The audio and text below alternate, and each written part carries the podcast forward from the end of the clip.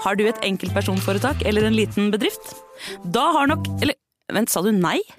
Du vet at fiken også gjør det enkelt å starte din egen bedrift? Fiken superenkelt regnskap. Ja, og hjelp til å starte egen bedrift, da. Nyt sommerferien på Prime. I'm here to show you a wonderful place. Had a rough week. Opplev spennende turer. Så kan dette bli veldig farlig. Finn sommerkjærligheten. You're like a Coachella. Hi. Hi. Se på Fallout, Furia eller The Idea of You. Og gjør deg klar for en sommer full av eventyr. Bare på Prime. Krever abonnement på Prime Video. Velkommen til Kjemperådet! Hey! Vi har fått inn et kjempenytt problem fra en mor. Jeg leser. Hei, jeg har en datter på 11 år som vurderer å slutte med orientering. Hun elsker jo å løpe, men finner aldri veien. Og jeg må sitte så lenge i bilen og vente. tricky. Ja, men ja dette her har jeg opplevd selv, faktisk. Og løsningen for meg ble da Maps på mobilen. Ja, hun er jo under 13 år. og Da får hun 5 gigabyte data for bare 149 kroner med Telenor. Oi. Hun bør jo sjekke ut nye mobilabonnement på telenor.no, da. Yes! Advarsel. I denne podkasten vil du høre historier basert på informasjon programlederne har funnet selv. Programlederne står ikke nødvendigvis inne for meninger og syn som fremstilles. Noen påstander kan avvike fra virkeligheten.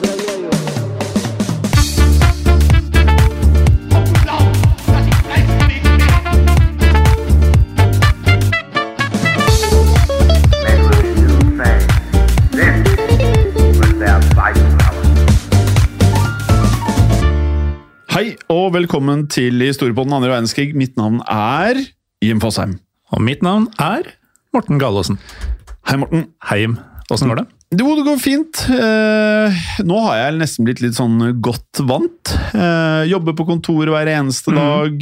Sitter i studio og spiller inn alle podkastene jeg er med i. Og det er mange. Ja, det er mange. Jeg, jeg talte nå. Jeg er faktisk med i sju eller åtte podkaster. Og av de sju eller åtte så er jeg med i to av dem. Fordi i tillegg til denne historien på den andre verdenskrig, så har vi vanlig historie på den, Det er helt riktig. som er helt lik. Er, ja, den er ikke helt lik. Den eh, er jo om eh, alt det vi ikke får plass til Eller, den er jo egentlig om alt som har eh, omhandlet historien. Ja. Og der har jo vi lurt systemet litt, fordi selv om det er historie på den er en podkast om historie, så er det jo alt som har skjedd, er historie. Så alt som Ja. har skjedd, kan vi snakke om. Eh, på sett og vis, men eh, det er jo alltid en sånn her fin balansegang mellom å lage en podkast om fakta som har skjedd historisk, og en historisk hendelse. Ja. Så det er en sånn hårfin balansegang der. Eh, som eh, ikke er feil å ta med seg i neste podkast vi skal lage en gang i fremtiden. Eh, hvordan går det med deg? Jo takk, bare bra. Jeg em, er jo også blitt godt vant med Jeg har jo egentlig alltid vært det siden jeg jobbet på skole. Så var det jo bare en liten periode på våren eh, 2020 hvor ting var ordentlig stengt. Ja. Eh, Så jeg har jo vært på både kontor og i klasserom eh, nesten hele tida. Men nå er jo ting blitt grønt eh, og har vært det i noen uker, og det er jo helt nydelig. Ja. Nei, så Jeg har også lagt merke til på deg at du egentlig ikke har hatt de store omveltningene pre, mid og Det er ikke post-corona ennå? Nei, dessverre. Men uh, det er lov å håpe på at vi nærmer oss det, da. Ja da, det er mye som tyder på det. Eh, og så kan vi jo også legge til, da, du nevnte jo den andre podkasten vår, som da er bare historiepodden. Den er å finne på Spotify og iTunes og de fleste andre steder der man hører på podkast. Og så kan man jo også rate begge podkastene, altså både vanlig Historiepodden og Historiepodden andre verdenskrig, kan man da nå rate ikke bare på iTunes, som vi har nevnt uh, flere ganger, men du kan også rate det på Spotify. Og nå har ikke jeg sjekket uh, siden fredag, men da tror jeg det var sånn gigastep mot 700 ratinger på Spotify på Historiepodden andre verdenskrig. Og til sammenligning så vanlig Historiepodden da bare 400, tror jeg, på Spotify. Uh, men til gjengjeld snart 2500 på iTunes. Ja. Ja. Så vi rates uh, mye, men rates vi høyt? ja, vi har 4,9, så jeg. Å, det er høyt! Ja, det, ja. For det er jo en fem skala er som går til fem. Mm. Ja, det er helt riktig. Så uh, Men kan godt være lytterne blir litt sånn lei av å høre at vi maser om det hver uke, men jeg syns det er ganske viktig. Ja, for oss er det det. Ja, For oss er det veldig viktig. Og så har vi denne Facebook-gruppen vår som øh, er historie for alle. Eh, og der må vi gi dere masse kred, fordi eh, vi får jo da ofte DM-er på vanlig Facebook, gjør vi ikke det? Og så får vi mest temaer på Historie for alle. Og vi har jo fått noe vanvittig med forslag til temaer begge steder, egentlig. Og så gjelder det bare å være flink til å dytte det inn i Excel-ark-verdenen vår, som da er Den er svær, den verdenen. Altså. altså det, det var jo stort før vi begynte med vanlig historiepodden for flere år tilbake. Ja. Og uansett hvor mye vi lager, så bare vokser og vokser og vokser det arket. Det vokser meget, eh, Morten. Og mer skal det jo bli. Ja, ja. Ja. Ehm, I dag Vi er jo begge veldig glad i idrett. Mm. Vi er det. Og i og med at dette er historie på den andre verdenskrig, så kan man kanskje da lure litt på Skal dere prate om idrett eh, under annen verdenskrig? Og svaret er jo at eh, ja, vi skal det. Ja. Det var idrett da også. Mm. En, en slags eh, variant. En eh, variant, for i eh, Altså, dagens episode handler om et eh, tema som jeg tror veldig mange interesserer seg for. Man vet ikke så mye om det, eh, men det gjør det ekstra spesielt, da. Eh, og vi kan jo si at det, den inneholder jo da faktisk litt sånn vi prater om mange forskjellige nazister. Nazistforskere, nazistsoldater. Nå er det sportsnazister. Ja, Og det er det rette ordet, liksom. Ja, det er det rette ordet. Og vi skal jo da snakke om idrett i Nazi-Tyskland. Eh, vi har vært innom dette her tidligere. For eksempel så har vi hatt en episode om eh, Nazi-Tyskland når de arrangerte Berlin-OL i 1936, som var en veldig interessant episode, synes jeg. Ja, den eh, episoden fins og kan høres på. Um, Men i dag så skal vi da ta et litt eh, bredere blikk på nazistenes forhold til eh, sport og idrett. Og da begynner vi jo der det hele starta, eh, dvs. Si i dette tilfellet da nazipartiet tok makta i Tyskland. Og det var den 30. januar 1933 at Adolf Hitler som kjent ble utnevnt til regjeringssjef for Tyskland, eller Reichskansler som det da het. Eh, Nazistene begynte da mm, ganske umiddelbart å gjøre Tyskland om til en ettpartistat, med Hitler som landets diktator, eller da Führer, som han ble kjent som. Og For å da styrke dette nye diktaturet, Morten, så satte jo nazipartiet, eller NSDAP, i gang en prosess som man da kalte for Gleichschaltung. Den trodde jeg du ikke skulle få til så godt, men eh, det er omtrent sånn det sies, tror jeg. Ja, Vet du hva Gleichschaltung er for noe? Det er vel eh, Altså, det betyr vel noe sånt som ensretting? Det er riktig det, Morten. Og det gikk jo da ut på at nazistene skulle oppnå en slags totalitær kontroll over hele det tyske samfunnet. Og dette innebar jo da at alt av samfunnsaktiviteter skulle koordineres av nazipartiet. Og noe av det som går under alt av samfunnsaktiviteter, det var selvfølgelig da også fritidsaktiviteter, sånn som eh, sport og idrett. Og noe av det første nazistene gjorde i denne sammenhengen, var å ekskludere alle de som ikke passa inn med den nazistiske ideologien fra idretten. Og da øh, starta nazistene på toppen. Ja, de gjorde det. For i 1933 så sparket nemlig nazistene Theodor Levalt. Levalt. Levalt. Eh, og Levalt var da altså sjefen for Deutsche Reichsausschuss für Liebeschiebung. Som eh, er da organisasjonen som på mange måter fungerte som Tysklands svar på Norges idrettsforbund. Ja. Jeg syns Norges idrettsforbund har et lettere navn. Ja, det er lettere og høres mindre sint ut, selvfølgelig. Og Levald han fikk da altså sparken på grunn av at nazistene da hadde funnet ut at han hadde en bestemor som var av jødisk opphav. Ja, og mannen som nazisten da utpekte til å erstatte Levald, som da i deres øyne var eh, inkompetent, eh, det var en hittil ukjent person i tysk idrettssammenheng, som hadde også et litt vrient navn. eh, Hans von Chammer und Osten. Eh, og den tungetvisteren der kommer til å bli en gjenganger i løpet av denne historien. Ja.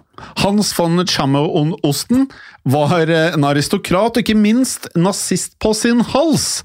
Han hadde da meldt seg inn i nazipartiet så tidlig som på 1920-tallet, og i dag så huskes han nok eh, på mange måter best som selve sjefsarkitekten for idretten i Nazi-Tyskland.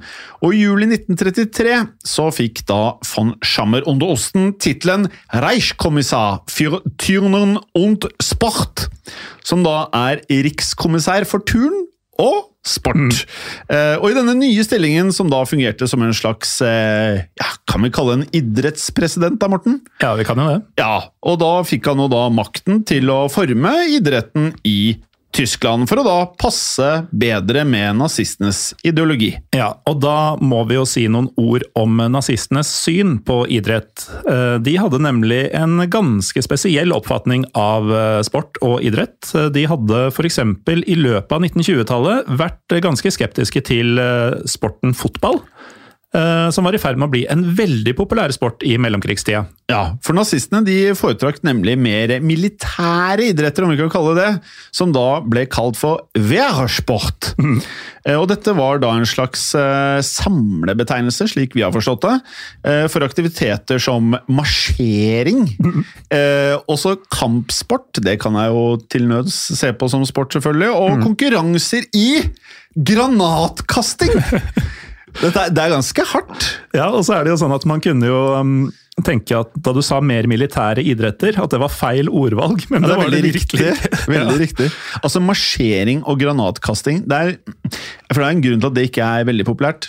Ja, jeg tenker også det. Og det slo ikke veldig godt an hos det tyske folket heller. For um, i motsetning til hva nazistene ønska seg, så fortsatte det tyske folket utover 1930-tallet å foretrekke fotball over bl.a. granatkasting. Ja, Og nettopp med det så um, var det slik at nazistene ble nødt til å kaste seg på bølgen.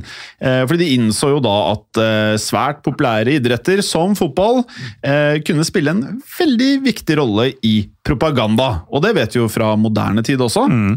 idrett, det har mye å si for eh, tall, valgtall.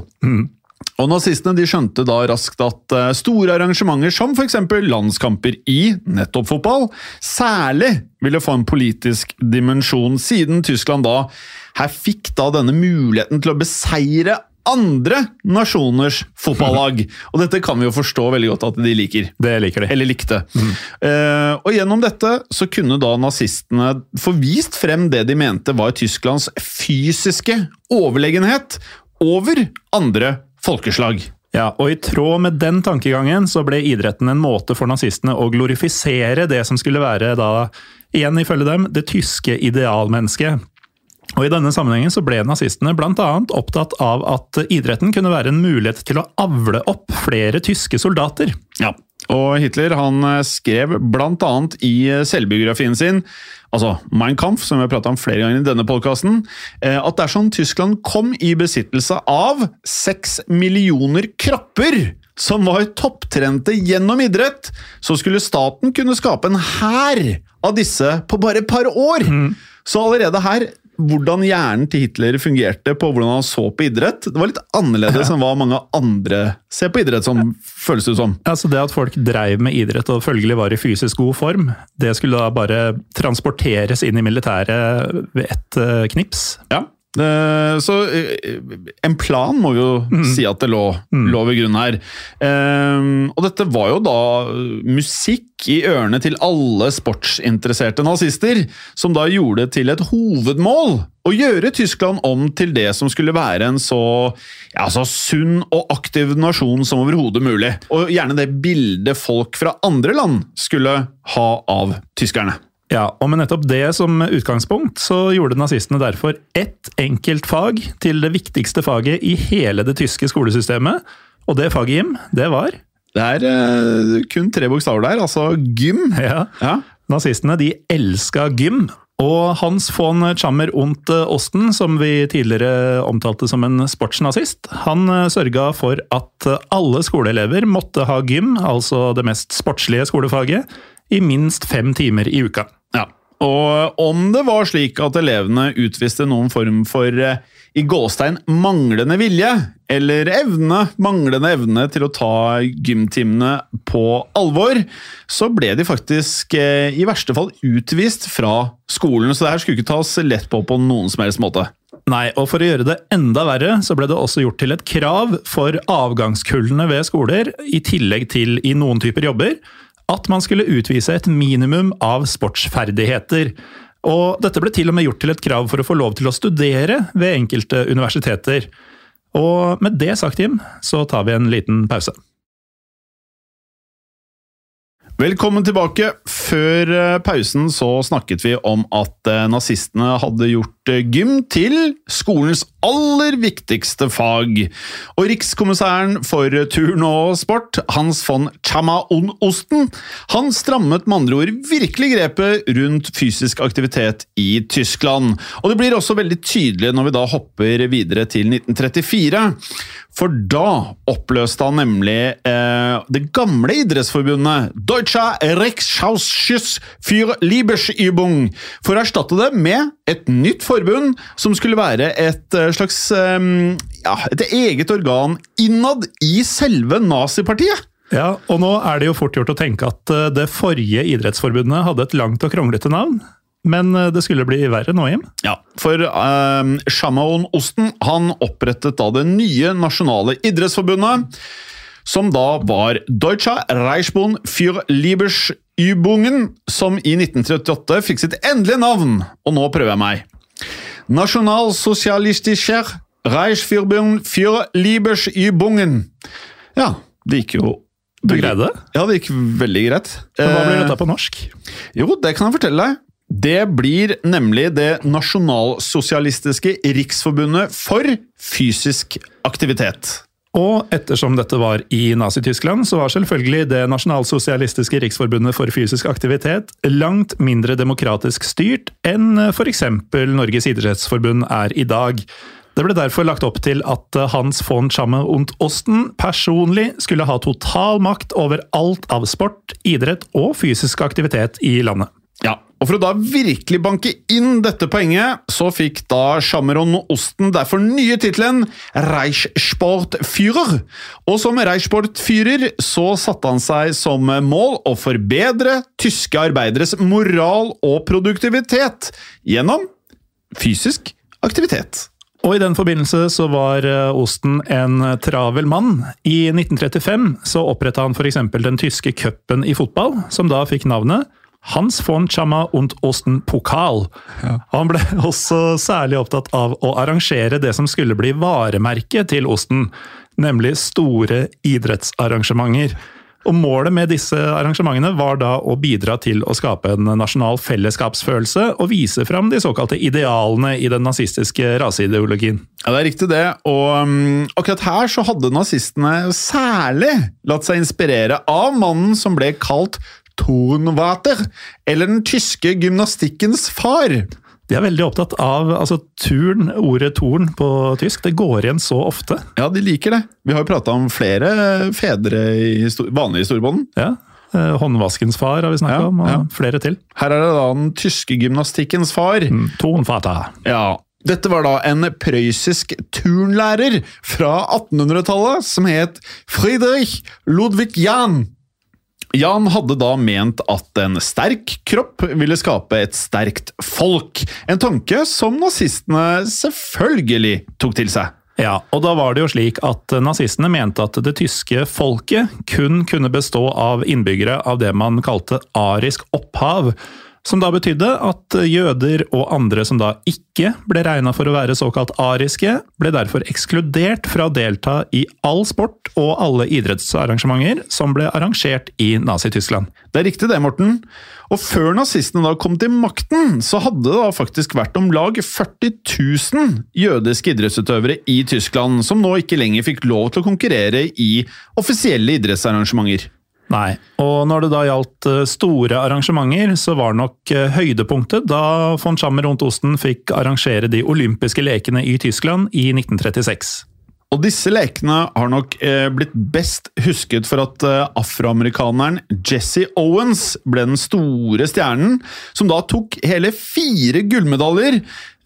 Og da eksisterer det da faktisk bilder eh, av en rimelig irritert eh, Adolf Hitler som satt på tribunen og så på dette. Ja, det skulle bli verre for Hitler, for så vidt, fordi han ble jo også vitne til at det norske fotballandslaget, som til slutt tok eh, denne berømte bronsemedaljen, slo Tyskland 2-0 i kvartfinalen. Så selv om det å få arrangere OL var en fjær i hatten for nazistene, så var det heller ikke det man kan kalle en fullstendig propagandaseier. Nei, det er riktig, det. Jeg var faktisk ikke klar over at uh, Norge slo Tyskland, jeg. Var det ikke det? Nei, jeg var ikke det. Ja, nei, nå vet du. Ja, uh, absolutt. Um, Og vi kan jo, som vi sa i starten her, Morten, anbefale lytterne å bla litt tilbake i arkivet tidlig, store på den andre verdenskrig, og finne episoden som da er om nettopp Berlin-OL i 1936. Ja, og da kan vi jo gå videre til det at den politiske situasjonen i Europa den ble jo mer og mer anspent etter dette OL i Berlin. Ja, Allerede i 38, altså året før annen verdenskrig brøt ut, så begynte da Tyskland å annektere forskjellige nabostater, som Østerrike og Tsjekkoslovakia. Og da tok selvfølgelig Reichsportführer selveste Osten også kontroll over disse landenes respektive idrettsforeninger. Og Den øverste østerrikske fotballigaen ble f.eks.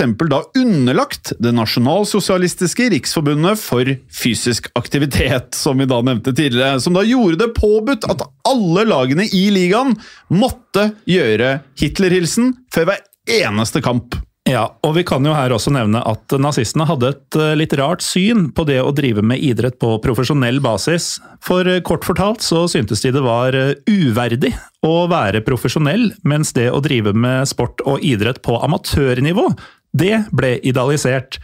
Og tanken var da at siden amatørutøvere måtte ha en jobb i tillegg, så ville dette tilføre nasjonen større arbeidskraft, og dermed gjøre Tyskland sterkere. Så Derfor så nedla nazistene et forbud mot det å kunne drive med idrett på profesjonell basis i områdene som de kontrollerte. Og det skulle senere vise seg at dette gjorde det vanskelig å holde idretten gående i Tyskland under andre verdenskrig. Ja, og Da annen verdenskrig brøt ut, altså i 1939, så fikk det enorme konsekvenser for idretten i Tyskland. For som vi nå har pratet om, Morten, så hadde jo idretten på 30-tallet vært sentral i nazistenes propaganda. Men under annen verdenskrig så ble den tyske propagandaen, som man vet, langt mer opptatt av militæret enn av idretten, selvfølgelig. Ja, og det er jo ikke unaturlig, men eh, Hans von Schammer und Ostens eh, store idrettsarrangementer ble derfor etter hvert erstattet av militærparader. Og i løpet av krigsåra så ble de tyske amatøridrettsutøverne til slutt helt utkonkurrert i popularitet av de tyske soldatene, som da fikk hovedrollen i nazistenes propaganda. Ja, og da ble det også færre av disse amatøridrettsutøverne, ettersom mange av de da ble innkalt i hæren nettopp for å bli soldater. Så denne mangelen på folk gjorde da at dette idrettsforbundet etter hvert fikk det man kan kalle en dårlig gjennomføringsevne. Ja, for eh, uten nok folk så ble det nemlig færre og færre av de større arrangementene også, som man tidligere hadde stelt i stand på 30-tallet. Men i løpet av de første tre åra av andre verdenskrig så fortsatte likevel dette forbundet, ledet av Osten, med å arrangere sportsarrangementer for ungdom. Men alt i alt så var det nå mye mindre penger å hente til idretten, siden det meste av statens budsjetter nå skulle gå til krigsinnsatsen. Ja, og etter hvert så gikk det faktisk så dårlig at eh, Idrettsforbundet måtte ty til å selge lotteribilletter for å da spe på budsjettet som de da hadde til rådighet. Det kom snart flere tegn, Morten, på at eh, det gikk raskt nedover med idretten i Nazi-Tyskland. Ja, 1943 ble faktisk eh, det siste året man hadde kapasitet til å arrangere den tyske cupen i fotball, den tidligere nevnte Hans von Schammer und Osten Pokal. Og i 1943 så døde også Osten av lungebetennelse i en alder av 55 år. Og han ble da etterfulgt som Reichsportfyrer av Arno Breitmeier. Ja, og Arno Breitmeier han var da en tidligere konkurranseroer som hadde blitt redaktør for sportsseksjonen i nazistenes offisielle dagsavis, nemlig Folkisha Beobachta, som kanskje best oversettes til det man vil kalle The People's Observer på engelsk. da. Og Arno Breitmeier han holdt kun et år, han Morten, som Reichsportfyrer, før han rett og slett måtte gi seg. Ja, eh, Kildene våre forteller da at Breitmeier i 1944 enten skal ha meldt seg som frivillig, eller rett og slett blitt innkalt til krigstjeneste som kaptein i den tyske hæren. Eh, Detaljene rundt dette er noe uklare, men det er i hvert fall tydelig at Breitmeier mista livet i løpet av denne krigstjenesten en gang i 1944 eller 1945. Stemmer det, og Breitmeier han ble da etterfulgt som Reichsportsfyrer av den tidligere olympiske idrettsutøveren Carl Ritter von Halt. Og Ritter von Halt hadde da i sin tid blitt nummer 14 i kulestøt under sommer-OL i faktisk Stockholm i 1912. Og senere så hadde han også gjort karriere i nazipartiet, der han annet hadde hatt ansvaret for å organisere konkurranser under nettopp de olympiske leker i Berlin. Men til tross for sin tilsynelatende tunge kompetanse på idrett, så klarte likevel ikke Carl Ritter von Halt å få snudd situasjonen til det bedre. For i løpet av eh, andre verdenskrigs to siste år så gjorde Tysklands etter hvert eh, meget dårlige militære situasjoner slik at det ble et desperat behov for flere soldater.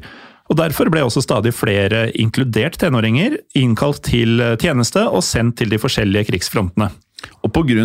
nettopp det som du nevner, Morten, så stanset til slutt både voksen- og selvfølgelig da ungdomsidretten i Tyskland fullstendig opp.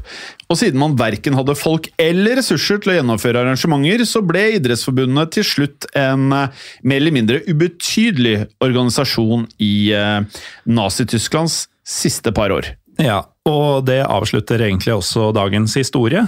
Og helt til slutt så kan vi jo fortelle at eh, da de allierte hadde vunnet krigen hjem i 1945, så ble jo nazipartiet forbudt, og det samme ble jo da nazipartiets tilhørende organisasjoner. Som da innebærer at Det nasjonalsosialistiske riksforbundet for fysisk aktivitet det ble endelig oppløst den 31. mai 1945. Og her, Morten, jeg følte øh, vi lærte en del i dag, eller? Vi gjorde det. Blant Ja. annet at uh, tyske idrettsfolk i gamle dager hadde ordentlig lange navn. Ja, veldig lange navn. Eh, og de liker, eller de likte, de liker vel fremdeles en dag i dag, eh, tyskerne, veldig lange, beskrivende navn på ganske enkle ting, som f.eks. et idrettsforbund. Ja, og jeg syns det er fascinerende hvor viktig turn er i flere av disse navnene. og Det ser man jo også på dagens tyske fotball. Eh, Klubber som er stifta tilbake på 1800-tallet, har ofte turn og sportsforening eller noe sånt i navnet. Ja, de er veldig glad i det.